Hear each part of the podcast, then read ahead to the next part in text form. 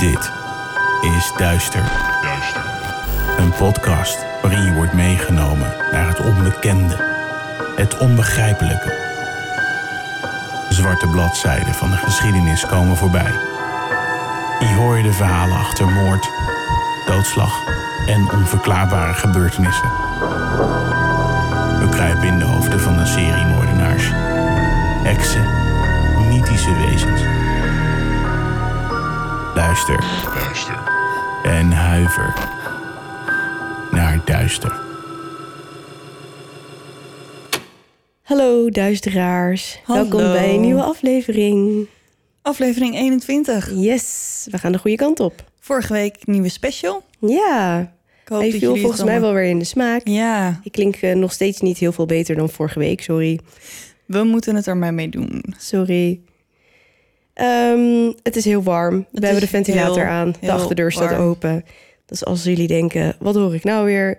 Dat kan, eh, dat kan kloppen. Dat zijn misschien de buren of de kat. Of, eh, De ventilator. dat zou kunnen. Het is echt heel heet, Het jongens. is heel heet. Wij zijn hier niet voor gemaakt. Nee, Doe ons maar herfst en winter en regen en Spooktober. en spooktober en sneeuw.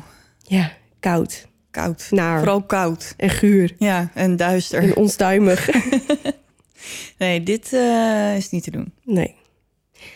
Goed, vorige week hadden we natuurlijk de special. Deze week hebben we weer wat specials. Oh ja, joh. Ja, namelijk ons allereerste duisterhaarsverhaal. Oeh. Eh, Sven heeft namelijk ons zijn verhaal ingestuurd over zijn ervaringen met spoken. Dus dat, eh, dat ga ik voorlezen vandaag.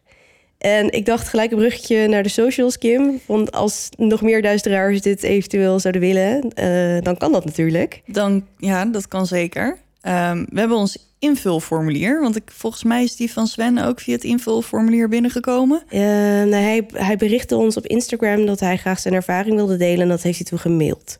Ja, Dus dat zou natuurlijk hetzelfde. Ook, ja, Ja. dat zou natuurlijk ook kunnen. Ehm, dus je kan ons invulformulier, oftewel ons contactformulier, vinden op de website duisterepodcast.nl. Dan hebben we nog Instagram, daar kan je ons gewoon DM'en als je dat wil. Dat is het. Je kan ons eh, bereiken via Facebook, facebook.com slash duisterepodcast. En dat was het. En op de website kan je ook altijd gewoon alle foto's en bronnen en zo vinden. Zeker. En ehm, nou, Sven die wil graag dat we alleen zijn voornaam bekendmaken. Dus dat ga ik dan ook doen. En omdat zijn verhaal natuurlijk niet een hele aflevering vult... eh, ga ik daarna nog een ander verhaal vertellen. Maar omdat het dat dan weer heel erg lang wordt... splits ik die over vandaag en de volgende aflevering. Dus het wordt voor mij een beetje anders dan normaal. Mhm. Maar ik hoop dat het toch wel leuk wordt. Ja, ik ben benieuwd. Ja, en wat ga jij doen? Ik doe vandaag een beetje alsof ik jou ben. Oh, Ja, spannend. Ik ben heel benieuwd. Zullen we van start? ja, kom maar op met Sven's verhaal.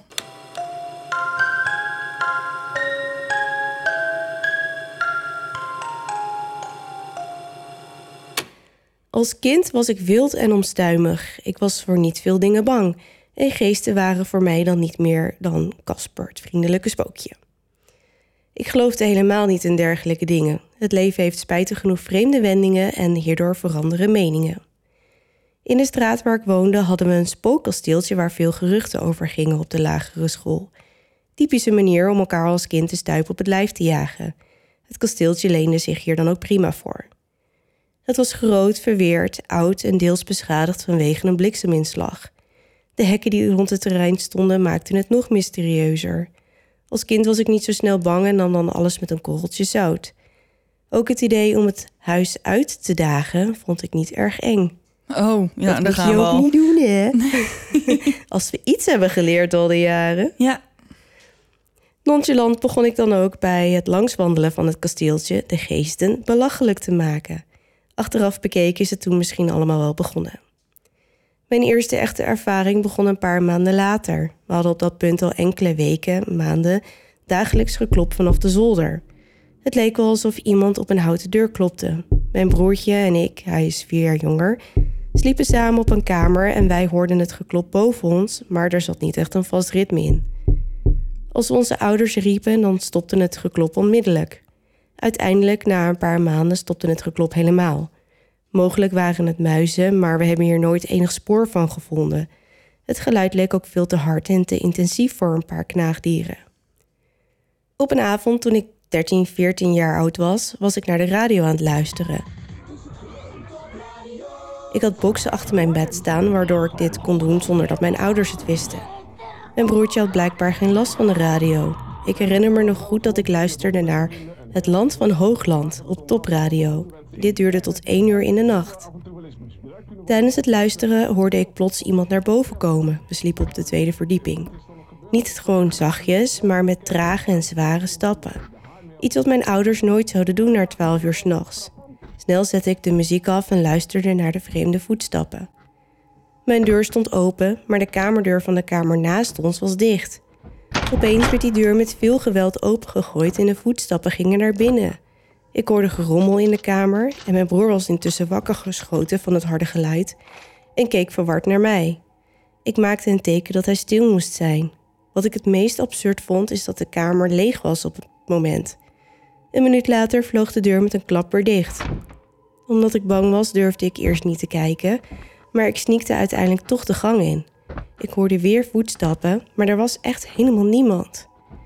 Na mijn broertje te hebben gekalmeerd, liep ik toch maar naar beneden om te gaan vragen of een van mijn ouders net naar boven gekomen was. De een bleek al diep in slaap en de ander was tv aan het kijken. Zij waren het echt niet geweest. Mijn ongeloof werd op de proef gesteld. Hierna zijn er nog wel meer dingen gebeurd, vooral in de jaren tussen mijn dertiende en achttiende. Omdat deze gebeurtenissen iets zijn waar ik normaal niet vaak over praat, is de juiste volgorde wat vervaagd. Het gekke was dat ik op een zeker punt een soort tolerantie gekregen had tegen deze zaken. Ze werden normaal, ze maakten me niet meer zo bang. Op een keer was ik alleen thuis en me aan het omkleden in de badkamer op de eerste verdieping. De deur was dicht en ik hoorde wat krabben tegen de badkamerdeur.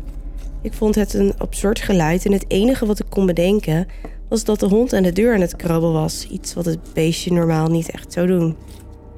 Ik liep naar de deur en opende deze en op dat moment hoorde ik iemand snel naar beneden lopen, maar ik zag niemand. Vrijwel gelijktijdig hoorde ik het gegiegel van een klein meisje. De voetstappen die ik hoorde leken die van een lichter persoon, maar ik heb geen zusje en ik was alleen thuis. Een andere keer was ik me klaar aan het maken om weg te gaan met vrienden en ik stond opnieuw in de badkamer. Ik was mijn haar aan het doen. Ineens verscheen er plots een gedaante in de deuropening die tot vlak voor mijn gezicht kwam en daarna plots verdween. Ik was ontzettend bang. De gedaante leek op een soort statische rook die de vage vorm van een menselijke gedaante had. Het zei niks, het verdween daarna gewoon. Van begin tot eind duurde het ongeveer 5 à 10 seconden. Ik sliep vroeger altijd met een arm uit bed, een vreemd trekje dat ik al vanaf kinds af aan doe. Op een avond werd ik echter plomp verloren uit bed getrokken. Ik lag ineens een meter van mijn bed op de grond. Volledig in shock keek ik naar mijn broertje, die nog steeds sliep als een blok. Die ervaring maakte zoveel indruk dat ik tot op heden alleen kan slapen als ik een stang of een pijler van een bed kan vasthouden, zodat ik er niet zomaar uitgesleurd kan worden. En mijn arm ligt natuurlijk niet meer in bed. Dat is wel logisch. Niet meer in bed of uit bed? Uh, uit bed. maar dat lijkt me inderdaad wel logisch. Ja, ja, ja, ja, als je dat overkomt. Ja, dan, dat, uh... uh, nee, dat lijkt me niet heel prettig. Nee, sinds dat ik horrorboeken lees, durf ik ook niet meer met mijn voeten buiten boord te slapen. Niet? Nee. Oh. Nee, en iedere keer als ik merk dat ik dan toch een beetje uitsteek, dan denk ik, nou, nee. Ik slaap ook altijd met mijn arm buiten boord. Ja, durf je dat? Ja. Maar we hebben ooit een keer een gruwelijk verhaal gehoord over een moordenaar en een hond die dan ja, dat in de kast zo... hing. En dat, dat hij dan je hand ging likken. En dat is me zo bijgebleven op mijn dertiende ja. dat ik dat toch gewoon niet doe. Dat is volgens mij echt een super bekend soort van kampvuur scary ja, story ja, verhaal. Ja. klopt, maar het maakte wel indruk. Ja, nee, gewoon ja, wel mijn armen, mijn benen niet, maar die. Neem je ook altijd een aanloop en dat, dat je dan op je bed springt? Nee, want mijn bed staat echt achter de deur. Dus ik kan oh, gewoon dat is ook zo. letterlijk mijn deur open doen en in mijn bed stappen. Dus nou, als ik niet zwanger ben, dan maak ik altijd een soort van zweefduik. Zo van, joe, ik slijf het stukje zo. Ja, ja zeg maar, maar jij... vlak voor je bed sla ik even over. Jij bent ook gewoon best wel raar. Dat klopt. Maar jij ook. Dat is ook zeker waar. Daarom hebben we elkaar gevonden. Oké, ik ga verder. Op een nacht werd ik wakker met een gigantische hond, een soort van doberman-achtig, wakker, met die hond op mijn lichaam. Het dier leek een vacht te hebben van geronnen bloed. De rode ogen keken recht in de mijne en het keek behoorlijk kwaad. Verder maakte het geen geluid, ook geen gegrom, en verdween na ongeveer een minuut. Mijn benen en buik hadden rode plekken op de plaatsen waar de poten hadden gestaan. Die plekken zag je 24 uur later nog. Regelmatig, bijna dagelijks, hoorde ik gefluister in mijn oor. Vaak dacht ik dat het mijn ouders waren en vroeg hen dan wat er was. En dit zorgde natuurlijk voor gekke momenten. Telkens had ik kippenvel. Ook heb ik lange tijd het gevoel gehad dat ik achtervolgd werd, ook buiten. Echter heb ik nooit concreet bewijs gehad dat dit een terecht gevoel was, gelukkig. Net als mijn wekkers, ik heb er meerdere gekocht. Deze gingen soms wel drie tot vier keer af op een nacht, hoewel ik ze altijd nakeek of ik ze wel juist had ingesteld. Het leken soms wel pesterijen die jaren duurden. Toen kwam het moment dat ik bijna brak. Opnieuw was ik alleen thuis. Enkel mijn hond, een kleine Münsterlander. Weet je wat voor hondje dat Nee. is? Ik weet het ook niet. Maar goed, en ik. Dus hij was samen met zijn hondje. Ja, klein hondje. Een klein hondje. ik denk dat ik toen rond de 18 of 19 jaar was. Ik was iets uit de keuken gaan halen omdat ik wat wilde eten. Maar ineens waren er plots vanuit het hele huis stemmen te horen. Ze riepen iets dat leek op Hatsa. het zijn niet mijn woorden, maar Hatsa? Hatsa. Ik moest heel erg denken aan Chaka. Ja. maar dat is het niet. Het was alsof ik midden in een bioscoop stond met het geluid op 100. Mijn hond begon te blaffen en zelfs te schuimbekken. Dat was de eerste en de enige keer dat ik deze superlieve hond heb zien schuimbekken van kwaadheid. Het duurde een paar minuten en toen brak er wat in mij. Ik werd ontzettend boos en begon te schreeuwen dat het lafaards waren. En dat als ze wat wilden zeggen, dat ze maar moesten verschijnen en het in mijn gezicht konden zeggen wat het probleem dan wel niet was. Dat is stoer. Ja, Ja. dat is wel gedurfd, hè? En als ze dat niet deden, dan moesten ze maar lekker wegblijven en nooit meer terugkomen. En toen? En toen was het voorbij. Daarna heb ik nooit meer iets raars meegemaakt. Na deze ervaringen was ik natuurlijk enorm gefascineerd geraakt en zocht ik alles op wat ik maar kon vinden. Zo werd ik een trouwe lezer van het magazine X Factor en zocht ik naar verhalen en films die op de mijne leken. Tot mijn verbazing is er een reeks films uitgekomen die enorme gelijkenissen leek te hebben met mijn ervaringen. Paranormal Activity. Ik kan wel zeggen dat deze veel losmaakte bij mij. Ook daarvoor was ik al op onderzoek uitgegaan in het pre-internet tijdperk. Ik vond een Grieks woord dat het leek op het woord wat ik hoorde toen, de stemmen, toen ik de stemmen hoorde De Hatsa. de Hatsa. Maar helaas weet ik het woord niet meer. Het betekende iets in de zin van het kwaad komt. Oh. Het zien van een helle hond zou als betekenis hebben brenger van het kwaad. Ik had in die tijd veel last van mijn luchtwegen. Zouden het een soort van waarschuwingen voor mijn gezondheid zijn geweest? Mijn fascinatie is echter nooit weggegaan en zal wellicht ook nooit meer weggaan. Antwoorden zal ik nooit krijgen, denk ik. Mijn broertje heeft ook wel dingen meegemaakt, maar hij heeft er nooit over willen praten. Mijn moeder heeft al enkele keren gezegd dat ze niet graag alleen is thuis, maar ze heeft nooit uitgesproken waarom. Ik heb vaak geprobeerd te praten met mijn ouders hierover, maar ik heb niet echt gehoor gekregen. Mijn vader vindt het maar kinderlijke fantasieën en mijn moeder wuifde het vaak weg, omdat ze niet wist wat ze ervan moest zeggen. Het frustrerende was dan ook dat ik voornamelijk bijna altijd alleen was of met mijn broertje. Mobieltjes en internet waren er nog niet zoals ze nu zijn. Video's maken en dergelijke ging dus niet.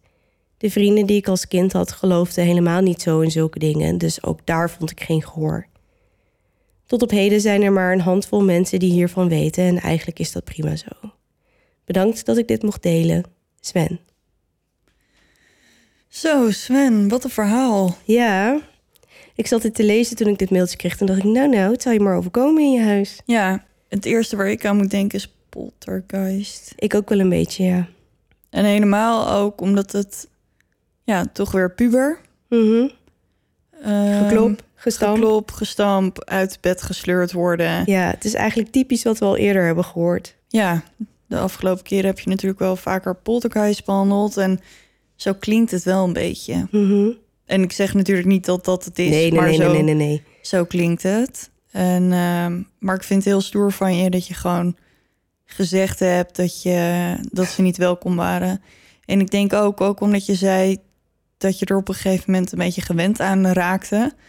Ehm, want het, draait natuurlijk vaak om emoties en Mhm. negatieve emoties. En op het moment dat jij eraan bent en dus ook niet meer continu angstig bent. En Ja, want dat versterkt het, hè? ja, ja, Het is een soort van negatieve spiraal waar je in zit. ja, En die poltergeist die voedt zich natuurlijk met negatieve emotie. energie, ja. Ja, dus eh, het is best wel knap dat jij daaruit bent gestapt en gewoon hebt gezegd: joh, als je me wat wil zeggen, Ja, kom lekker dan hier. maar. Ja, En dan, eh, dan zie ik daarna wel hoe ik het oplos. ja, super stoer. Maar ja, jongens, zo blijkt maar weer. Ehm, als je niet Zack Baggins bent, daag spoken niet uit. Nee. Eh, en we weten natuurlijk niet of dit de reden is geweest dat Sven deze dingen mee heeft gemaakt. Maar we weten ook dat onze vriend Zak, Zak, Zak, ja, dat is Zak, het toch ook wel een beetje. klootzak. Ja, oh, sorry. Pardon. Ehm, ja, ik bedoel, hij daagt altijd uit en hij is altijd de Sjaak. Ja. Dus doe maar gewoon niet. Nee, ik ben het helemaal met je eens. Ja, bedankt Sven dat je dit met ons wilde delen. Ja, heel cool. Gewoon Ja. als eerste echte duisteraarsverhaal. Ja, Super tof. heel cool. Goed, Dankjewel. nou had ik jullie natuurlijk nog een verhaal beloofd. Eh, en deze ga ik dan in twee splitsen. Want als ik dit nu helemaal ga vertellen, dan kunnen we jou net zo goed overslaan. Want dan ben ik morgenochtend nog bezig. Ik had nooit verwacht dat jij die eerste met een tweedeler zou zijn. Ja, sorry. Ja, dat maakt mij niet Ja, het uit. komt maar gewoon zo uit. Ik dacht gewoon dat er ooit een seriemoordenaar zou komen... waar ik minstens twee afleveringen voor nodig had. Maar Ja. zover ben ik nog niet. Nou, misschien eh, Jack, de Ripper. We krijgen heel veel vragen over Jack. Ja. Ik wil Jack ook wel. ja, ik heb voorlopig nog genoeg andere dingen eh, Oh. in de pijpleiding zitten. In de pijpleiding. Ja. Nou, zal ik beginnen met de, de volgende? Begin jij maar. Dit verhaal gaat over Adam Ellis. Zegt je dat wat? Hmm, nee, ik denk het niet. Nou, dan eh, laat je verrassen, zou ik zeggen. Oké.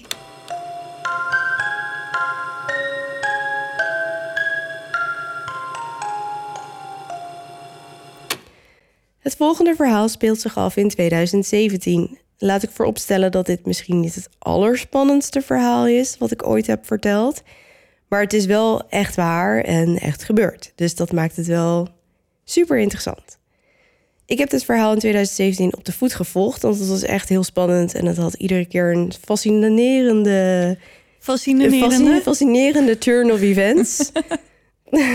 ja, ik wilde twee dingen tegelijk zeggen, maar dat kan natuurlijk niet. Nee. Maar goed, dit verhaal gaat over de Amerikaanse Adam Ellis, die op 7 augustus 2017 een tweet de wereld inslingert met daarin: Op dit moment is mijn appartement bezeten door een dood kind en hij probeert me te vermoorden. Ik weet wat het is. Ja, Ja. Is het Dear David? zeker. Oeh. En dat zeg ik, dit is niet het allerspannendste Nee, verhaal. maar het is wel echt een cool verhaal. Het was echt, ja, maar je kon dit gewoon live volgen. Ja, en de hele wereld, volgens En mij was het een hype. En het iedereen... was zo spannend, Ja, want wat ging er gebeuren? ja, Maar goed, ik ga alles vertellen, ja, kom op. maar ik begin even met een korte bio. Dat is jammer. ja, sorry. Adam, geboren op 1 oktober 1986, probeert een leven op te bouwen in Manhattan als illustrator. Nadat hij zijn opleiding aan het Art Institute in Boston heeft afgerond. In 2016 gaat hij werken voor de Amerikaanse website BuzzFeed. En eh, BuzzFeed valt het best te omschrijven als een nieuwswebsite die volledig afhankelijk is van de content die verstuurd wordt door de gebruikers zelf. Ja, Dus op die manier houdt de website zichzelf in Ja. stand. Adam maakt illustraties over het leven van een beginnend cartoonist en alles wat daarbij komt kijken. Ook gaat hij bloggen en is hij vervent twitteraar. Alles gaat redelijk de goede kant uit voor Adam tot die bewuste 7 augustus 2017. Ik hoor de hele tijd Twitter. Mag ik even inbreken? En ik hoor de hele tijd Twitter. En ik denk, oh ja, we hebben ook een Twitter, maar die bestaat eigenlijk niet echt meer. Alleen de afgelopen weken hebben we toch weer nieuwe volgers gekregen. Ja, maar die hebben denk ik even de memo gemist. Ja, ik denk, maar we hebben de afgelopen tijd natuurlijk ook heel veel luisteraars erbij gekregen. Mhm. En ik weet niet hoe die aan het terugluisteren zijn. Dus als ze zeg maar niet bij één zijn begonnen, dan weten ze dus nog niet dat, dat Twitter zeg maar dood is. Nee, maar ik wil Twitter reviven. Ja, ik zeg, eh, doe het maar. Ik heb niet... Ik, ja, maar ik, ik, Ja, dan weet, moet je het downloaden en niet zeiken. ik weet niet eens hoe het werkt. Je kan gewoon tweet, tweet. ik zal er eens over nadenken. Ja, denk jij er even over na. En dan gaan we ons nou niet allemaal massaal volgen de aankomende week. Ehm, we doen voor nu nog heel even alsof Twitter niet bestaat. Oké, Onze Twitter. onze Twitter. Wel die van Adam. Maandag 7 augustus om vijf over half zes eh, verstuurt Adam een tweet met daarin. Dus, mijn appartement is momenteel bezeten door een dood kind en hij probeert me te vermoorden. Thread. Voor wie niet weet wat een thread is, dat staat kort gezegd voor een online discussie. Dus mensen kunnen reageren op jouw berichten en dan wordt Mhm. En- het een soort van lang gesprek online. Ja, een draadje. Een draadje. Ik begon hem te zien in mijn dromen, maar ik denk dat hij de oversteek heeft gemaakt naar de echte wereld. En daarna volgt. De eerste keer dat ik hem zag was een tijdje terug tijdens een droom met slaapverlamming. Ik zag hem zitten op mijn groene schommelstoel bij mijn voeteneind. Hij had een groot misvormd hoofd met aan één kant een enorme deuk. Ik heb geprobeerd om hem te tekenen. En dan volgt een tweet met een slordige tekening van het jongetje dat in Adams dromen verschenen is. Een jochie met een te groot hoofd met aan de linkerkant een enorme deuk in zijn schedel. Hier moet je zien. Wat een engert. Ja, hè? Heel. Het is wel een beetje raar getekend ook. Gewoon Ja. een beetje zo... Oké. oeh, een beetje enger. Nou, ik heb er nu in ieder geval een beeld bij. Ja. Adam gaat verder. Hij zat een tijdje naar me te staren, maar ineens stond hij op en begon hij naar mijn bed te schuifelen. Ik kon niets doen, want ik had slaapverlamming tijdens die droom. Dat heb ik best vaak en het zuigt echt behoorlijk. Vlak voor hij mij bereikte, werd ik met een schreeuw wakker. Een paar dagen later droomde ik dat ik in een bibliotheek was. Er kwam een meisje naar me toe en ze zei: Je hebt hem gezien, hè, dear David? Ik keek haar aan en ik vroeg: Wie heb ik gezien? En het meisje zei: Dear David, je zag hem. Ik keek haar aan en het meisje vervolgde: Dear David is dood. Hij komt alleen om middernacht. Je kunt hem twee vragen stellen als je eerst Dear David zegt. Maar stel hem nooit een derde vraag, want dan zal hij je vermoorden. Oeh. Adam vervolgt zijn verhaal. Ik was verbouwereerd. Twee verschillende dromen over hetzelfde onderwerp. Dat is wel echt heel vreemd. De weken erna gaan voorbij zonder vreemde gebeurtenissen, totdat Dear David weer verschijnt, dit keer weer in mijn droom. Zelfde situatie. Ik lig in bed, hij zit op de groene schommelstoel bij het raam, starend naar mij. In de droom zeg ik: Dear David, hoe ben je gestorven? Waarop hij mompelt: Ongeluk in de winkel. Ik zeg: Wat gebeurde er in de winkel? Waarop hij gromt: Een plank werd op mijn hoofd geduwd. Ik, bevroren van angst, vraag: Wie duwde de plank? Adam. De heer David geeft geen antwoord en tot mijn ontzetting realiseer ik me dat ik een derde vraag heb gesteld, wat ik eigenlijk niet mag doen. Buiten mezelf word ik wakker van angst. En, Ja, en, vraag nooit aan een spook hoe die gestorven is. nee, Maar, maar, dat, ja, ja, dat wist Adam niet. dat wist hij hem niet. Nee, Maar die derde vraag, had hij ook niet moeten doen. dat had hij niet moeten doen. Nee. De volgende dagen vul ik met zoeken op Google. Ik zoek naar sterfgevallen in winkels waarbij een kind genaamd David betrokken is. Ik vind niks. Ik probeer zelfs verschillende namen: Daniel, Devin, Dylan, maar geen resultaat. Een paar weken gaan voorbij zonder rare dingen. Dan komt het appartement boven mij vrij en ik mag er intrekken. Het is groter dan mijn huidige appartement, dus ik ben dolblij. Ik trek in het appartement en twee maanden gaan voorbij. Ik denk bijna niet meer aan Dear David. Ik denk dat hij me kwijt is geraakt omdat ik van appartement ben verwisseld. Maar nu gebeurt er telkens iets vreemds. De afgelopen vier nachten zitten mijn twee katten om middernacht naar de voordeur te staren, bijna alsof er iets aan de andere kant zit.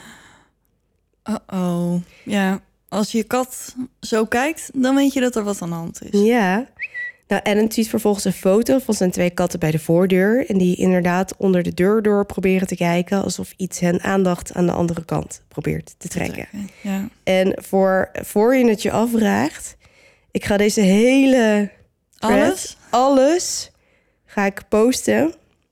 Gewoon op de website. Mhm. En alles staat onder elkaar. Dus als je dit zelf wil lezen, inclusief alle foto's, filmpjes, dan kun je dat zo in één keer zo poep, zo lezen. Oké, dat is wel handig om te weten. Mhm. Adams verhaal gaat verder. Gisteravond kreeg ik ineens een raar gevoel en besloot ik door het kijkgaatje in mijn voordeur te kijken. Ik weet bijna zeker dat ik iets zag bewegen aan de andere kant. En daar krijg ik dus rillingen van. Je zit in je appartement, Ja, je katten doen raar, ja. Je kijkt door dat gaatje Mhm. en je ziet wat. Maar wat ziet hij dan? Ja, iets bewegen. Ja. Ja, iets, iets, een schaduw of iets. Jou doet het niet zoveel? Nou, Dat is toch eng? Ik zou daar echt seriemoordenaar vibes van krijgen. Nou, jou doet het niet nee, zoveel, begrijp heel ik. nee, ik ben nog niet heel erg onder de indruk. nou.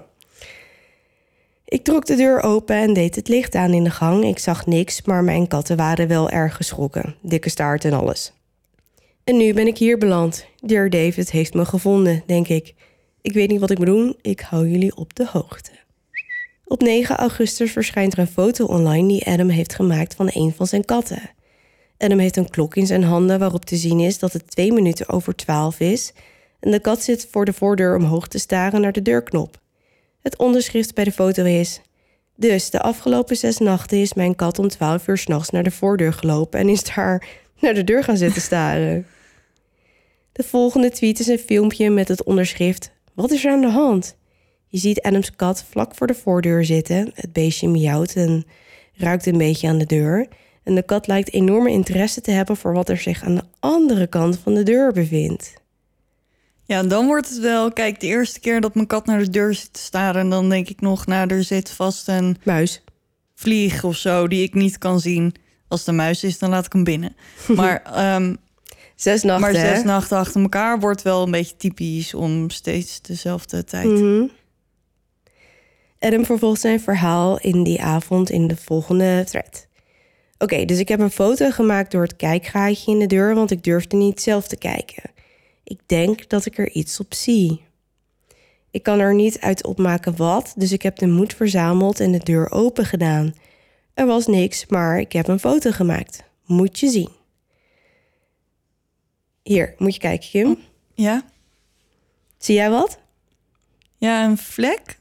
Ja, het is een beetje vaag, hè? Ja, Nou, het is niet alsof er echt een heel duidelijk iets te zien nee, is. maar je, is- ja, nou, ik ga het vertellen, oké? Ja, Adam heeft inderdaad twee foto's gemaakt. De ene is een beetje wazig. Je ziet de trap en iets wat lijkt op een schoenenrek.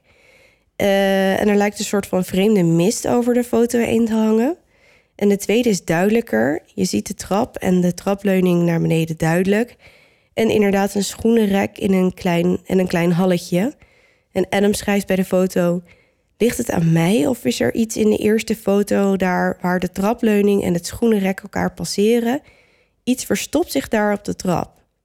En als je heel erg inzoomt, dan zie je inderdaad alsof er een soort gezicht te zien ja een is. soort van omtrek. Iemand die zeg maar Ja, om het hoekje gluurt. En hem vervolgt, ik wist niet zeker of het een veeg van mijn vinger was of zo, dus ik heb een derde foto genomen vanuit binnen en er was daar echt iets. En deze foto laat een ingezoomde versie van het halletje zien, gericht op de trap. En als je goed kijkt, kun je de vage omtrek van een persoon zien. Dus dat was wat ik net al Mhm. tegen je zei. ja. In de tweets ernaar vertelt Adam dat hij de sloot op de deur heeft gegooid en naar bed is gegaan. Maar zijn katten zitten nog steeds bij de voordeur te miauwen. Oh, Maar je zit er alleen en je denkt: ik heb iets gezien en je Ja. katten die zitten daar. Ja, Ik nu was- zou ik me wel zorgen gaan maken. Ik ja. was al lang vertrokken. Of ik had jou gebeld. Ja. ja, dan kom ik wel. Mijn middelneem is eh Bear Grylls. Hè? ja, Of Miss Marple, ligt aan de situatie.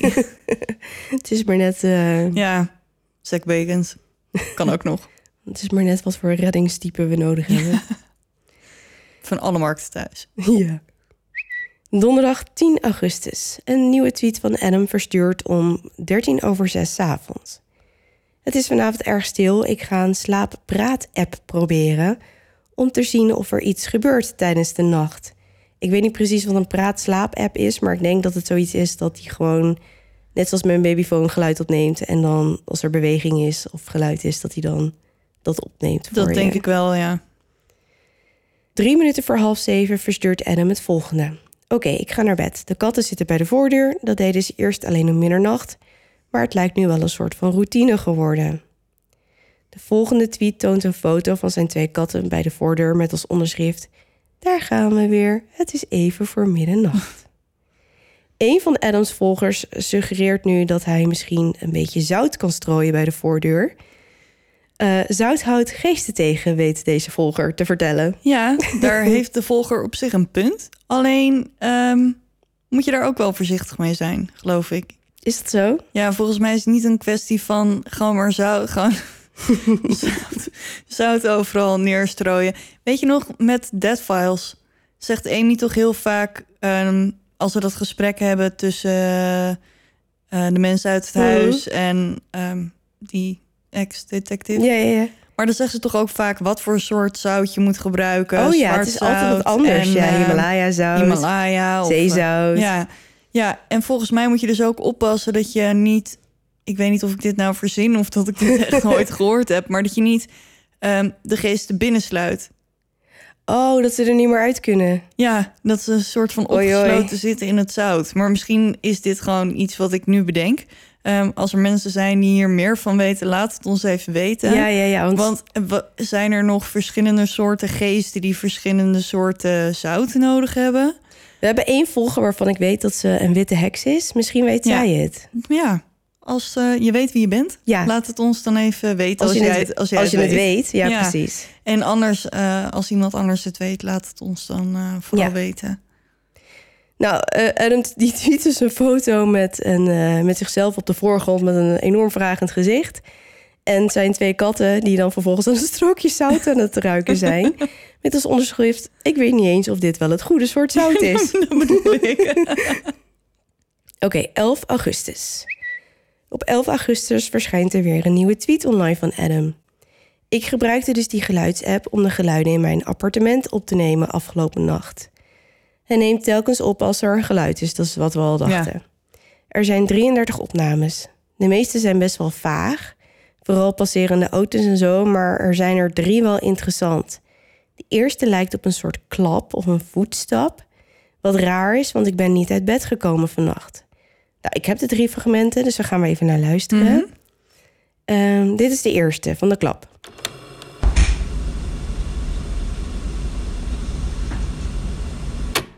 Ja, je hoort wel duidelijk een, ehm, Ja, je hoort wel wat. klap. Maar is het, ja, is Maar het ja, hij heeft natuurlijk katten? ook katten, ja. Ja. Dus dan is het wel een beetje...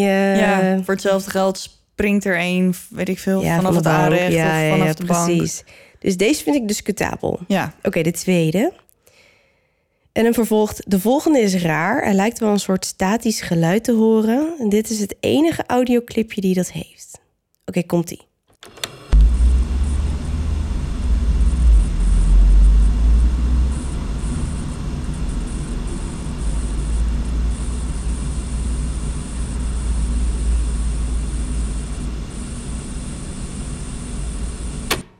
Ja, deze vind ik wel een beetje vreemd.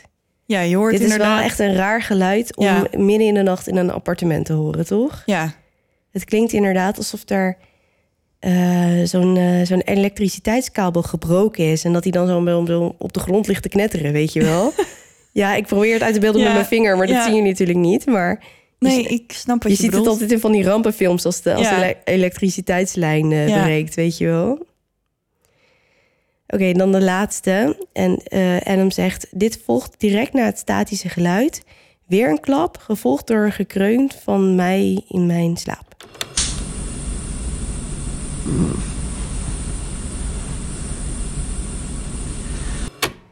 Het klinkt wel precies hetzelfde als de eerste. Dat vind ik dan wel weer verbrand. Ja. Ja, Het dan is moet niet je zo wel- dat er één ding rolt en dat de ander valt. Nee, Het is wel een soort twee van dezelfde dezelfde dingen. Ja. Adam vertelt zijn volgers daarna dat hij geen verklaring heeft voor de geluiden. Dat hij zal blijven opnemen en als er zich weer iets vreemds doet, dat hij dat dan zal melden. Zondag 13 augustus. Tweet verstuurt om kwart over zes. Ik heb hier geen verklaring voor. Adam post een foto van iets wat een weerspiegeling in het raam lijkt.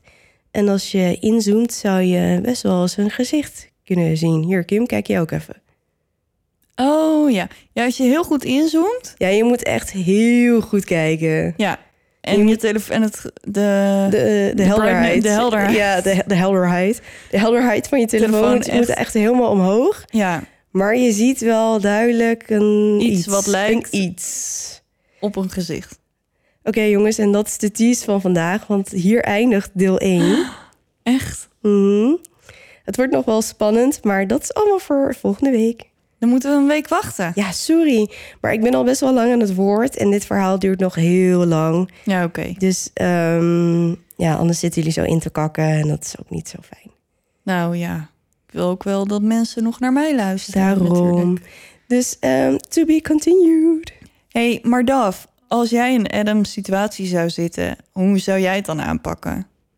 Want Adam documenteert natuurlijk vooral en gaat niet echt op onderzoek uit.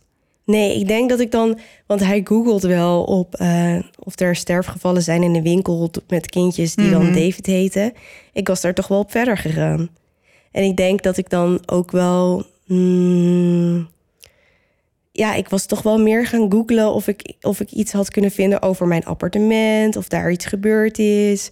Of dat er meer mensen ervaring hebben met Dear David. Of dat er, dat er al iets eer- meer over bekend is. En ik had jou gevraagd. Dus ik denk dat ik wel meer onderzoek had gedaan over waarom mij dit nu zo overkomen. Ja, maar ik zou bijvoorbeeld ook iets van een EVP-sessie doen in plaats Ja, van alleen nou, die slaap-app. Of zo'n testje met ehm, eh, zaklampjes. Oh ja. Dat je vragen stelt en dat je dan zegt ja, ja is aan en nee is uit. Mhm. Ja, gewoon dan in ieder geval Toch ietsje meer, dan, dan, dat dit. hij doet. Ja, maar dit is natuurlijk een true story. Dus hij heeft het helemaal op zijn eigen manier aangepakt. Ja, oké. Als jij, luisteraar, nou denkt eh, tijdens het luisteren van het verhaal ge- gelijk een plan van aanpak in je hoofd had om dit tot op de bodem uit te zoeken als een echte detective, Mhm. dan is de Crimibox misschien wat voor jou. Ja, Ja, want Crimibox heeft verschillende dossiers en spannende boxen waarmee je een echte detective waant. Bekijk de politiefoto's, test bewijs, ga op zoek naar aanwijzingen, ondervraag de verdachte en denk out of the box om de moordenaar in zijn kraag te vatten. Je krijgt je eigen virtuele assistent die je helpt de zaak tot een goed einde te brengen. En dan doe je dat dus beter dan dat Adam dat nu doet. ja. En wij mogen nu 20% korting geven met de code DUISTER op alle dossiers en boxen van Crimibox. En geloof ons, die zijn echt heel leuk. Ehm, en als je een vette avond met vrienden wil hebben, of als je zoals ons bent en met dit hete weer binnen wil blijven in Ja. plaats van buiten, dan is het ook een hele goeie. Maar je kan het natuurlijk ook lekker in de tuin doen s'avonds. of in het park of zo. Ja, Dus Dus- het leent zich daar prima voor. Het is super spannend. Ja. En je hebt echt de hele avond heb je gewoon kaarde lol met je vrienden. Het is Ja. echt heel leuk. Ja, het is echt heel leuk. Dus ga naar creamybox.com en kies je box of dossier uit en gebruik de code DUISTER. Ja, maar wat je vorige week ook al zei, dat geldt nu weer. Je moet eerst even een account aanmaken. Ja, Dan krijg je de vraag of je nog een code wil of een cadeaukaart of iets dergelijks. En dan voer je duister in en dan gaat je 20% ervan af. ja, want het is dus niet zo dat als je hem in je winkelmandje stopt, dat je dan gelijk de code in kan voeren. Nee. Dus dat je niet denkt dat er iets mis is. Nee, dus even een account aanmaken en dan komt het goed. Ben je klaar eh, voor ehm, mij die jou nadoet? Ja, ik ben heel benieuwd wat je daarmee bedoelt. Ik heb echt geen flauw idee. Kom maar op.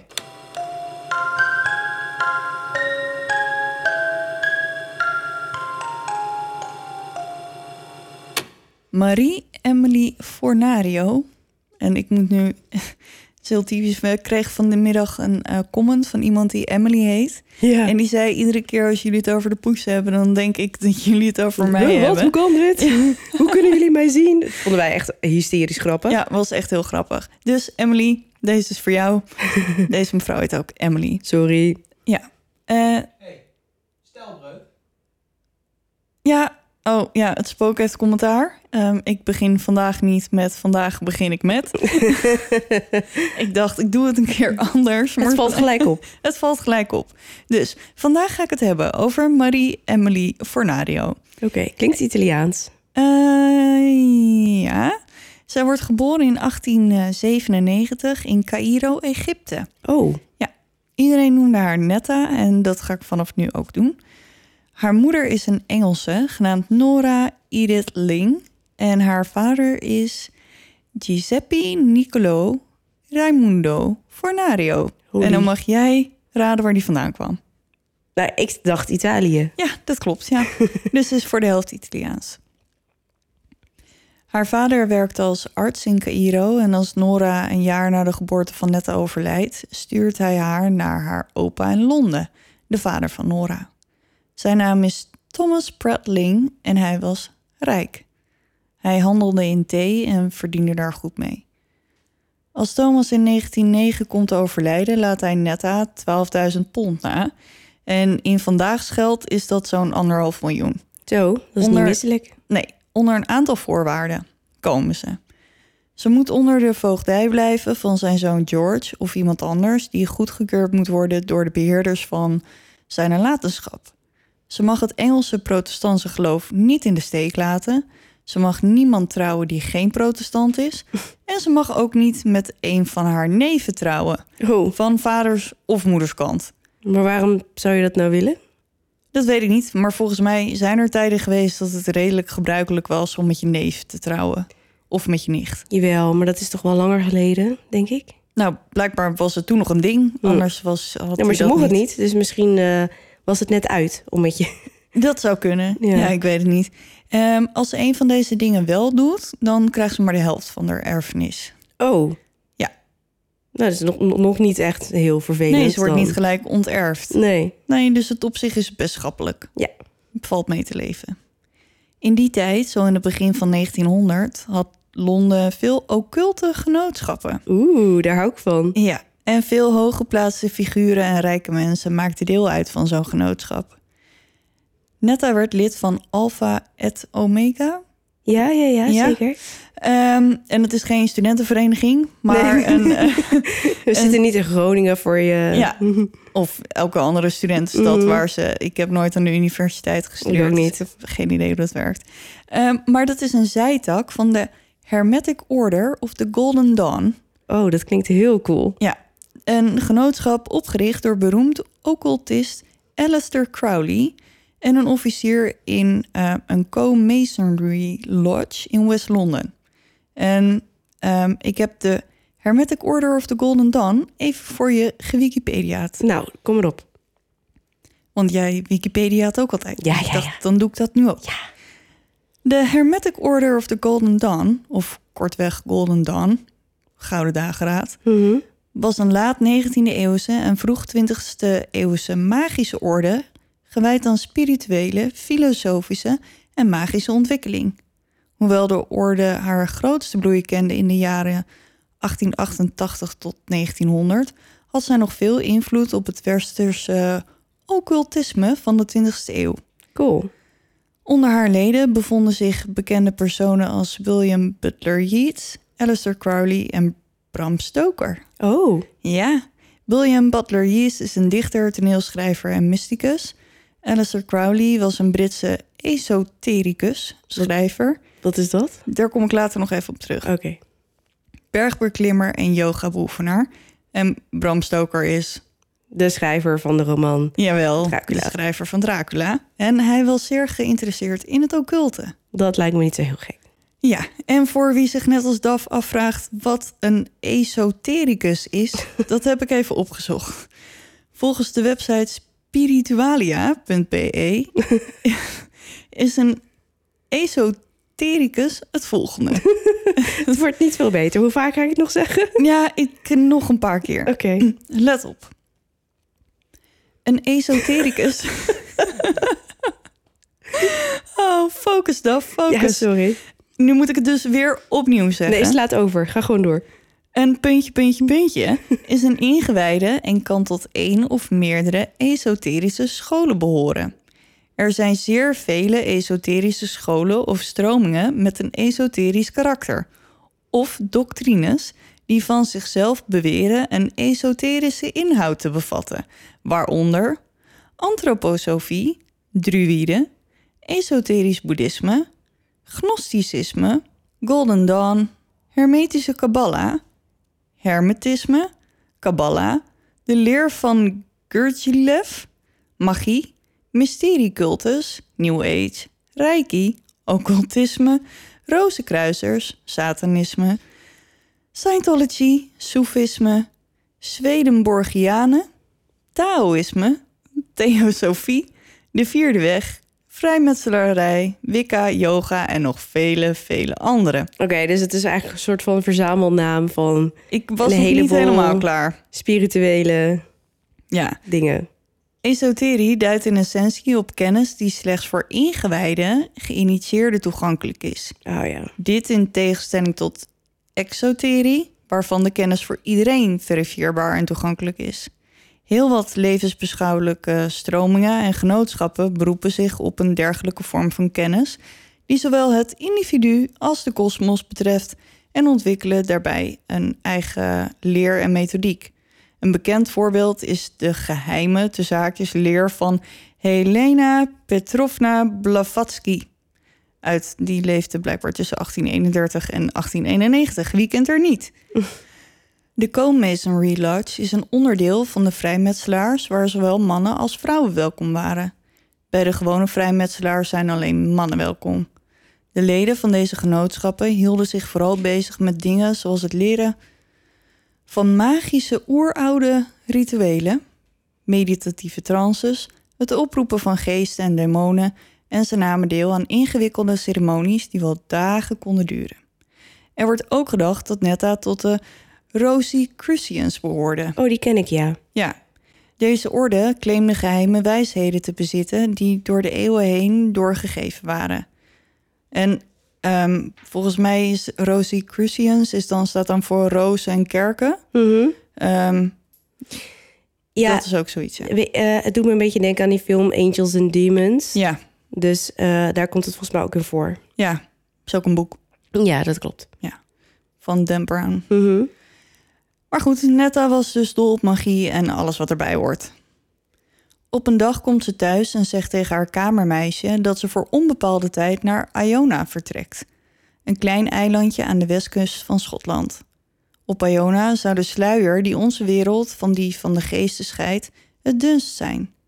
Voor de oude Kelten en de vroege christenen was Iona een heilige plaats en het manuscript van een Book of Kells zou hier gemaakt zijn. En ieder artikel dat ik las haalde dit aan, maar ik had geen idee wat het was. Dus ik heb het wederom even opgezocht. Komt-ie. Het Book of Kells, soms Boek van Columba genoemd, is een evangeliarium Holy shit. dat de vier evangeliën van het Nieuwe Testament in het Latijn bevat, samen met andere voorafgaande teksten en tabellen. Het manuscript bevindt zich in eh, de Trinity College Library in Dublin, Ierland. Ehm, en het Book of Kells werd rond het jaar 800 geschreven door Keltische monniken en geldt als een meesterwerk van de westerse kalligrafie en insulaire stijl. Er wordt gedacht dat Netta door een verhaal van haar favoriete schrijver, Fiona MacLeod, naar Iona wilde, omdat daarin werd beschreven dat rond Lochstaonach de veeën vrij rondwaalden. Sorry jongens, maar Schots is ook niet... eh, Nee hoor, het is ook... Ik, ik denk dat ik het begrijp. Zij... ook- ik ga het even samenvatten, oké? Ja, ja. Netta, die is dus behoorlijk van het eh, spirituele en het occulte. Occulte, ja. Dus, ehm, en ze heeft een favoriete schrijver. En die schrijft over Iona en het boek van de Kelten. Ja. En zij denkt, nou, dat valt helemaal in mijn straatje. Ik, Ik ga daar naartoe. ga daar naartoe, want dan... Daar zijn veeën. Ja, dat lijkt me heel tof. Ja, Dus, oké. Oké, check. we gaan verder. Ja, check. Netta begint gelijk met inpakken en ondanks dat ze niet weet hoe lang ze wegblijft of waar ze zal verblijven, vult ze verschillende hutkoffers met kleding. Lijkt een beetje op mij als ik op vakantie ga. Ja. Eh, ze neemt ook meubels mee en dan niet haar lievelingsstoel of zo, al weet ik ook niet waarom je die mee zou nemen. Nee, ze neemt genoeg meubels mee om een klein huis te vullen. ja, maar dat is normaal, hè? Ja, Dat gebeurde wel vaker in die tijd. ja. ik vind het een beetje overdreven. Ja, ik ook, maar... En ook omdat ze dus niet weet of er überhaupt wel een plek is voor al die meubels. Ja, maar meestal eh, huurden ze dan toch een kamer ergens in een huis of bij vrienden. En dan wilden ze toch hun eigen kamer inrichten op de een of andere manier. Ja, snap ik. Maar het is niet alsof je booking.com Nee, nee, hebt nee. en eh, dat je even kan kijken. Want Is er een plekje vrij? ja, er wonen echt heel weinig mensen op Iona. Dus het is echt piepklein. Dus het is niet zo dat er overal leegstaande villa's die huur zijn Mm. of zo. Even kijken, waar was ik gebleven? Netta stapt in de herfst van 1929 op een boot die haar en haar vele koffers naar Iona zal brengen. De meeste toeristen die de zomer op Iona hebben doorgebracht, zijn zo langzamerhand allemaal weer naar huis. En als Netta op Iona aankomt, vindt ze een verblijfplaats bij mevrouw McRae. Netta valt nogal op op het eiland. Ze heeft lang, wild, donker haar dat ze soms in vlechtjes draagt. En haar kleding, geïnspireerd op de arts and crafts stijl, springen in het oog en ze draagt heel veel zilveren sieraden. Net als een echte stadse dame, iets wat de 120 inwoners van Iona niet veel zien. Dus ik kan me wel voorstellen dat het een soort van plattelands. Ja. ehm, Komt daar ineens even een verschijning uit Londen aanzetten. ja, ja, met de laatste mode Mhm. en geld en zo. Mevrouw McRae vertelde later dat Netta haar dagen doorbracht met dwalen over de stranden en de heidevelden van het eiland. S'avonds raakte ze in mystieke trances in de hoop contact te maken met Iona's geestenwereld. Ja. Netta geloofde dat ze de gave had om te genezen en vasten tot ze bijna ziek werd, om in een trance te raken, zodat ze één kon worden met de natuur en het universum. Ze vertelde mevrouw McRae dat haar trances wel een week konden duren en dat er onder geen beding een dokter mocht worden geroepen als ze in zo'n trance verkeerde. Een week, hè? Kun je je voorstellen? Maar dan at ze die hele week niet. Nee, en daarvoor ook niet, want ze moest eerst die staat bereiken. Oké, een hallo spam. Een week niet eten is best, eh, best pittig. Ja, ik, ik denk tenminste dat ze het zo deed. Daar heb ik verder niks Ze wilde eh, gewoon gaan hallucineren of zo, Ja, denk ik. nou ja, ze wilde dus contact maken Mhm. met de geestenwereld. En dit was haar manier om dat te doen. Het leek erop dat Netta naar Iona was gekomen om een vreselijk geval van genezing te ondergaan. Oh, Ja, en dat zijn haar eigen woorden die ze naar haar huishoudster in Londen schreef. Ze probeerde om de Green Ray Elements, oftewel de groene straal elementalen, te channelen. de, wat? De groene straal elementaal? Dat klinkt als een straatnaam. Ik heb geen idee wat dat is. Ik ga het je vertellen. Oké. Ehm, dus, oftewel de groene straal elementaal te channelen. De feeën of geesten die de levenskracht van de natuur beschermen, waardoor dingen groeien en genezen.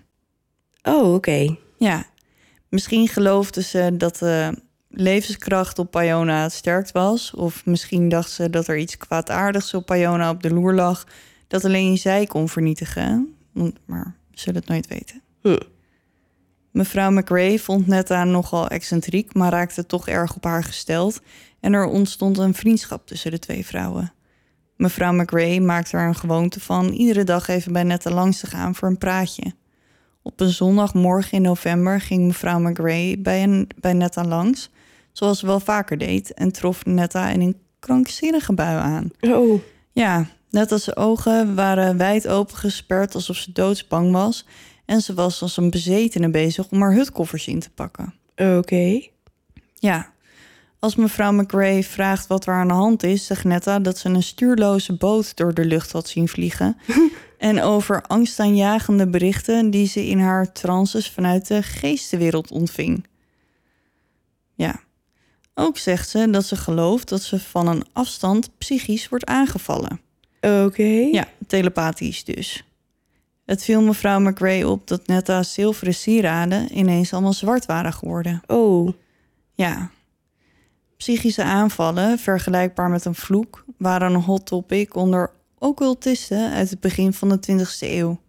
Net als vriendin, de beroemde Dion Fortune, schreef zelfs een boek waarin ze haar lezers leerde hoe ze zichzelf tegen zulke aanvallen konden wapenen, genaamd Psychic Self-Defense. Oh. Ja. Interessant. ja, wij hebben tegenwoordig gewoon een zelfverdedigingscursus, Mhm. maar zij hebben dus zeg maar tegen de psychische variant. Ik heb daar wel eens over gehoord trouwens hoor. Maar even... Het klinkt ook iets, als iets Harry Potter-achtigs. Ja, maar die tijd inderdaad van het occultisme en de tijd dat men heel erg eh, eh, Egypte heel erg interessant vond, mummies en zo, Ja, en seances, die was ook wel een tikkie bizar hoor. Het ging wel heel erg ver toen. Ik vind het echt een super interessante periode, maar ja, dat ben ik. Maar ja. zij valt er echt precies in, in die ja tijd. daarom. Dus ik dacht, ik doe vandaag gewoon alsof ik jou ben. Cool. Ik vind het ook wel eens leuk om dat voor jou te horen, zeg maar. Dat ik een keer verrast word. Ja, ja. nou is zijn mijn verhalen natuurlijk wel iedere aflevering een verrassing. Ja, tuurlijk. Maar ik vind het gewoon leuk. Ja, even kijken. Waar was ik gebleven?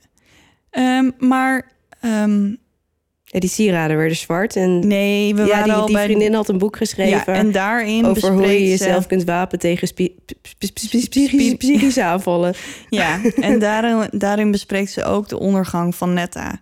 Ze zei dat Netta zich in zeer diepe wateren bevond Oh jee. en dat er vroeg of laat zeker moeilijkheden zouden komen. Netta staat erop dat mevrouw McRae haar helpt met het inpakken van haar spullen, zodat ze zo snel mogelijk weg kan. Mevrouw McRae moet Netta helaas teleurstellen, want het is zondag en dat is de dag van God, dus er wordt niet gewerkt en er varen dus ook geen boten. Hmm. Iedereen is vrij. Het lukt mevrouw McRae Netta te kalmeren en zegt dat ze maar wat moet gaan rusten. Dan kan ze morgen gelijk op de boot terug naar Londen, als ze dat wil. Ja. Netta protesteert nog een beetje, maar blijft toch op haar kamer om te rusten. Als ze na een paar uur weer tevoorschijn eh, komt, staat, ze, staat er op haar gezicht berusting te lezen en lijkt ze gekalmeerd te zijn. Ze vertelde mevrouw McRae dat ze van gedachten veranderd is en toch op Iona zal blijven. Oké. Van panisch naar ik blijf toch. Ja, gewoon weer helemaal chill en kalm. Hmm. De volgende ochtend gaat mevrouw McRae zoals gewoonlijk even bij Netta langs, maar Netta is nergens te bekennen. En dat is vreemd, want Netta staat eigenlijk nooit vroeg op, omdat ze altijd tot diep in de nacht over het eiland loopt te zwerven. Als Netta er na een paar uur nog steeds niet is, begint mevrouw McRae zich toch zorgen te maken en ze trommelt een paar mensen op om Netta te zoeken. De eilanders kammen de baaien, de heuvels en de heidevelden uit, maar ze vinden geen spoor van Netta. Pas de volgende dag vinden twee eilanders, Hector McLean en Hector McNiven, het zijn blijkbaar een hoop Hectors. Hectors. Ja. Geen Josephs dit keer. Nee, Hectors. Het naakte lichaam van Netta naast een fairy mount. Fairy mounts staan bekend als magische plaatsen die worden beschermd door spreuken van de druïden. Als je deze mounts verstoort, kan je worden vervloekt door de beschermingsspreuk die om de mounts heen hangt. Nog steeds geloven veel mensen dat als je een fairy mount verstoort, je een ongeluk kan krijgen, veel pech of zelfs dood kan gaan. Oké. Ja, dus het is een hele magische plek, die Mhm. Fairy Mounts. Netta heeft alleen een zwarte cape aan, verder niets. Naast haar lag een mes dat gebruikt werd voor rituelen. Het zilveren kruis dat ze om haar nek droeg was zwart, net als de rest van haar sieraden. Ze had schrammen in haar nek en haar voeten waren kapot, ook vol met schrammen en wondjes.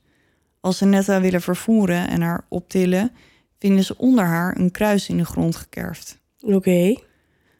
Ja, Vreemd. heel vreemd. Maar ik kan hieruit concluderen dat ze niet meer leeft. Nee, ze is wel dood. Ja, precies. Dat ze niet meer leeft. Ja. Dus, ja, oké. Anders had ik niet gezegd, ze vonden net als lichaam. Ja, nou ja, ik wist het niet helemaal zeker. Ik dacht even dubbelchecken. Nee, oké. Op Netta's overlijdensakte staat dat ze ergens tussen 17 november en 19 november overleden is. En dan ergens tussen 10 uur s avonds en half twee s'nachts. Oh, dat is wel specifiek. Ja, en best wel een groot gat. Ja, Dus schiet er helemaal niks mee op. nee. De doodsoorzaak is volgens de akte exposure to, to the elements. Wat best huiveringwekkend is als je bedenkt dat Netta contact probeerde te maken met, Met de, de Green elementen. Ray ja, element. ja, ja. Maar dat bedoelden ze natuurlijk niet. Nee, Ehm, gewoon het weer. Gewoon het weer. Dus is blootgesteld aan de elementen zoals kou, regen, wind, wind, onweer. onweer. Ja. Nadat Netta gevonden is, kwamen er vreemde berichten naar buiten. Op de avond dat ze verdween, zagen de eilanders knipperende blauwe lichten boven het gebied waar Netta werd gevonden. En niemand kon er een verklaring voor geven. Andere mensen zeiden dat ze een vreemde, onbekende man in een lange zwarte cape rond hadden zien lopen over het eiland. Volgens een artikel dat ik las, melden krantenartikelen uit die tijd dat er een stapel vreemde papieren werd gevonden als de politie de spullen van Netta doorzoekt, maar het is niet duidelijk wat erin stond. In een filmpje wat ik over deze zaak keek, vertelde ze dat alle spullen van Netta nog aanwezig waren en netjes op hun plek stonden. En dat het enige wat verdwenen leek een stapel van Netta's papieren was. Dus wat waar is, weet ik dus niet. Hmm. Ehm, Dus Eh, er mist een stapel, maar er is ook een stapel gevonden. ja, ehm, maar ik denk dat het over Eén en dezelfde een en stapel. dezelfde stapel gaat. De ene zegt dus dat het werd gevonden en dat de het ander zegt was. dat het juist is vermist. Ja, dus wat het is, weet ik niet. Maar er was dus iets met Een stapel papieren. Ja, en die waren vreemd. Netta's familie toonde niet erg veel interesse in haar overlijden en wilde haar ook niet per se naar huis halen. Dus de eilanders legden geld bij elkaar om Netta een behoorlijke begrafenis te geven. Ze werd begraven op de kleine begraafplaats naast St. Orange Chapel en daar ligt ze nu nog steeds. In de loop van de eeuw zijn er verschillende theorieën ontstaan om de ware oorzaak van de dood van Netta te verklaren. De eerste en meest voor de hand liggende is dat de jonge vrouw psychisch niet in orde was. Dat ze leed aan hallucinaties en last had van paranoia. Haar verbeelding dreef haar onvoorbereid de koude wildernis in, waar ze noodlottig aan haar einde kwam, zoals de lijkschouwer zei. Ja, daar vind ik wel wat in zitten, eerlijk gezegd. Ja. Dan hebben we nog de krassen op haar lichaam. En als die al bestonden, ehm, dat kan namelijk een latere toevoeging geweest zijn. En sommige mensen beweren dan weer dat alleen haar voeten waren bekrast en dus niet per se haar hals, nek. Ehm, maar die zijn iets moeilijker uit te leggen. Het kan zijn dat ze haar voeten open heeft gehaald terwijl ze over het eiland zwierf, bijvoorbeeld aan doornen van bramenstruiken. Maar toen ze haar lichaam onderzochten, vonden ze geen doorn in haar voeten. Dus dat is dan ook weer een beetje. Eh, Kan nog steeds. kan. Want dat betekent niet dat als je erin trapt, dat ze dan gelijk in je voet eh, blijven zitten, blijven maar zitten. kiezels, stenen, Ja, gewoon geen uitstekende rotsen. asfaltwegen. Ja, Ik weet het niet. ja was ik, daar ben ik mee eens.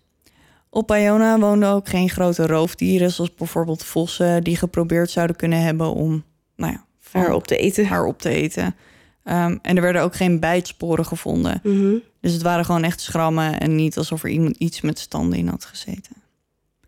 Sommige websloots, daar zijn mijn favoriete detectives weer, komen met andere theorieën. Eén theorie klassificeert de dood van Netta als een medische dood en niet als een paranormaal mysterie. In deze verklaring zijn haar plotseling zwart eh, geworden zilveren sieraden een teken van zuur zweet, wat zou kunnen wijzen op iets dat acidose heet. Dat is een medische aandoening waarbij lichaamsvloeistoffen te veel zuur bevatten. Er zit dan zoveel zuur in je lijf dat het je sieraden aan kan testen, waardoor ze dus eh, aan kan tasten, sorry, Mhm. waardoor ze dus zwart worden. Oké. Ja, dit zou een symptoom van diabetes kunnen zijn. Oh, Ja, interessant. en als de acidose niet behandeld wordt, kan het leiden tot verwarring en in ernstige gevallen tot de dood. Als dit inderdaad het geval was, dan had Netta dus gewoon een dokter nodig en geen paranormale hulp. Klinkt ook plausibel, moet ik zeggen. Ja, het kan zijn dat ze gewoon zo in de war is geraakt. ehm, en ja, gewoon niet meer de weg naar huis wist. En zo ziek is geworden Mhm. onderweg. Ja, dat ze het gewoon, dat haar lijf het gewoon opgegeven heeft. Dat zou natuurlijk kunnen, ja. Ja, dus het kan inderdaad zijn. En ik las later ook ergens op een of ander forum dat er een, een eh, zilversmid ook wel eens mensen eh, had die langskwamen omdat hun sieraden zwart werden. Dus het kan volgens mij ook wel als je niet per se diabetes hebt, dat je gewoon heel zuur bent van jezelf. Ehm, maar het zou dus diabetes geweest kunnen zijn. En als laatste, dus ik ben nu door de theorieën heen, maar ik heb dus helemaal geen foto's van Netta. Oh, jammer. Ja, als je haar naam googelt, krijg je eigenlijk maar één foto te zien. En ik dacht dus dat dat Netta was, want iedereen en zijn moeder die gebruikt die foto. Ehm, totdat ik ergens las dat het Netta dus helemaal niet is. Maar eh Moina Matters heet ze, denk ik. En zij was een kunstenaar en occultist. Oké. Dus ehm, ik heb geen foto's van Netta, maar ik stel me voor dat het best wel stoere, ik weet niet, een beetje stoere vrouw of zo was. Gewoon een beetje werelds eh, paranoïde figuur. Ja. Maar ja, het was dus een hele bijzondere verschijning daar op dat eiland. En er komen nog steeds heel veel toeristen naar dat eiland toe om Haar te bezoeken. Nee, voor de magische krachten die dat Oh. eiland blijkbaar eh, heeft. Eh, dus er komen heel veel mensen om daar. Ik wil er ook wel naartoe, denk ik. Ja, het lijkt me best wel vet. En Ja. Sowieso Schotland. Oh, ik hou van Schotland. Ik hou ook heel erg van Ik zei vanmiddag nog tegen het spook... het is daar nu 15 graden met regen, kom, we gaan naar Schotland. Ja. We hebben zelfs nog naar kasteeltjes zitten kijken. Ja. ja, dat lijkt me heerlijk. Oh, mij ook. Maar goed, we weten dus niet wat er nou met haar gebeurd is. Zonde. Ja, maar ik vond het gewoon zo'n interessante zaak met Ja. al dat occulte. En, Dat is toch eh, cool? Ja, en ook mm, ja, eigenlijk geen zaak die ik eerder had gehoord. Dus ik hoop dat jullie eh, het leuk vonden. Nou, Het ik in ieder geval vonden. wel. Ik heb er echt van genoten. Ja, was leuk om een keer zoiets te doen in plaats van eh Ja, moorden. Weet je, dan is nog de vraag van... werd ze inderdaad eh, telepathisch aangevallen en was dat dan maar door wie dan? Ja, misschien iemand van die orde of... geen idee. Maar ik zou- ik vraag me toch wel af hoe je iemand telepathisch kunt aanvallen. Ja, blijkbaar kan dat. Ik heb het ook niet bedacht. Ja, ja, ja, je, we, we weten het niet. Ik denk dat ze gewoon inderdaad ziek was, zo verward is geraakt dat ze het allemaal, eh, dat ze de weg, wat je zei, dat ze de weg niet meer kon Ja. vinden. En gewoon, ehm, En ik denk wel echt dat ze oprecht, zeg maar, een soort van occultiste was. En Ja, dat het allemaal heel erg interessant vond. En dat nu die twee dingen, zeg maar, samen zijn gekomen. ja, Ehm, eigenlijk wel een soort van perfecte, perfecte dood voor haar. ja, Alhoewel je doodgaan op die manier natuurlijk niet heel prettig is. nee. Nee, maar ik denk dus niet dat zij heel erg in het occulte ging geloven omdat ze ziek was. nee, nee, nee, nee. nee. Ehm, maar dat ze dat gewoon altijd al heel interessant heeft gevonden. En dat die ziekte, als dat het was, Mhm. er later bij is gekomen. maar we zullen het niet weten, helaas. Nee, ik zal wel een paar foto's van eh Iona posten. Ja, noem maar. dat is het enige wat ik jullie deze week eh, te bieden heb. En die zijn eh, zoals altijd te zien op de website duisterderpodcast.nl. Ik zat te denken, Ja, ik zag jou denken. Ja, ja, ja. Ik, ik zat namelijk te denken, is, is het niet mogelijk... Ik weet niet of dat kan hoor. Dat als je iemand na zo'n tijd opgraaft... om dan nog medische tests daarop uit te voeren... en dan erachter te komen wat, het, wat de doodsoorzaak was? Ehm, ja, ik weet niet in hoeverre. Dan moet je een soort van bonespersoon moet je dan hebben. Een boonspersoon. Ehm, want vlees en zo is er natuurlijk niet meer. Dus dat moet dan uit de botten komen. En ze, heeft, ze had natuurlijk ook geen uitwendige eh, wonden. Dus het is niet dat ze een schotwond in haar schedel zullen vinden... of een messteek in de ribben. Nee, maar misschien afwijkingen, DNA of zo. Ja, ik weet het niet. Maar ik denk dat iedereen op Iona er gewoon daar lekker eh, Laat liggen. laat liggen. In vrede. Ja, Nou, we zijn er doorheen. ja. Ik doe nog even mijn verplichte rondje voor als je in het begin geskipt hebt. Ik weet niet waarom je dat zou doen, maar goed. Ehm, volg ons. Ja, Laat overal ehm, een Reacties. review achter. Reviews. Laat overal reacties achter. Ehm, abonneer je als je, op, eh, als je ons luistert via Spotify of een andere app. Ehm, dan krijg je gewoon iedere week eh, de nieuwe aflevering yes. in je bibliotheekje. Ja, dan hoef je er niet eh, op te wachten. Dan komt hij gewoon in één keer gelijk. We hebben ook nog YouTube, voordat ik hem vergeet. Het gaat lekker met Ja. de YouTube. We gaan nog steeds. eh, Ik moest wel lachen. We kregen van de week een comment of we niet ook eens een keer filmpjes konden gaan maken.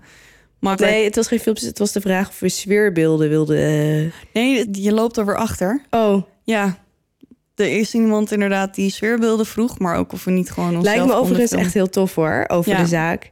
Maar dat, dat kost me een partij werk, joh. Ja, Dat redden we gewoon niet, nee, helaas. nee. Dus misschien als we ooit, ik zou niet weten hoe, maar ergens de tijd voor vinden, ehm, dan gaan we dat wel overwegen. Mhm. Maar misschien als we weer een leuk idee hebben, kunnen we ooit wel weer even binnenkort een filmpje van onszelf maken. Ooit wel weer binnenkort. Ja, ergens in de toekomst. Komt goed. Ver of dichtbij. We gaan wel wat leuks verzinnen. Ja, dus YouTube is ook gewoon Duister Podcast. Of als je om wat voor reden dan ook niet via een app kan luisteren. Ja, doe dat vooral. Bedankt voor het luisteren.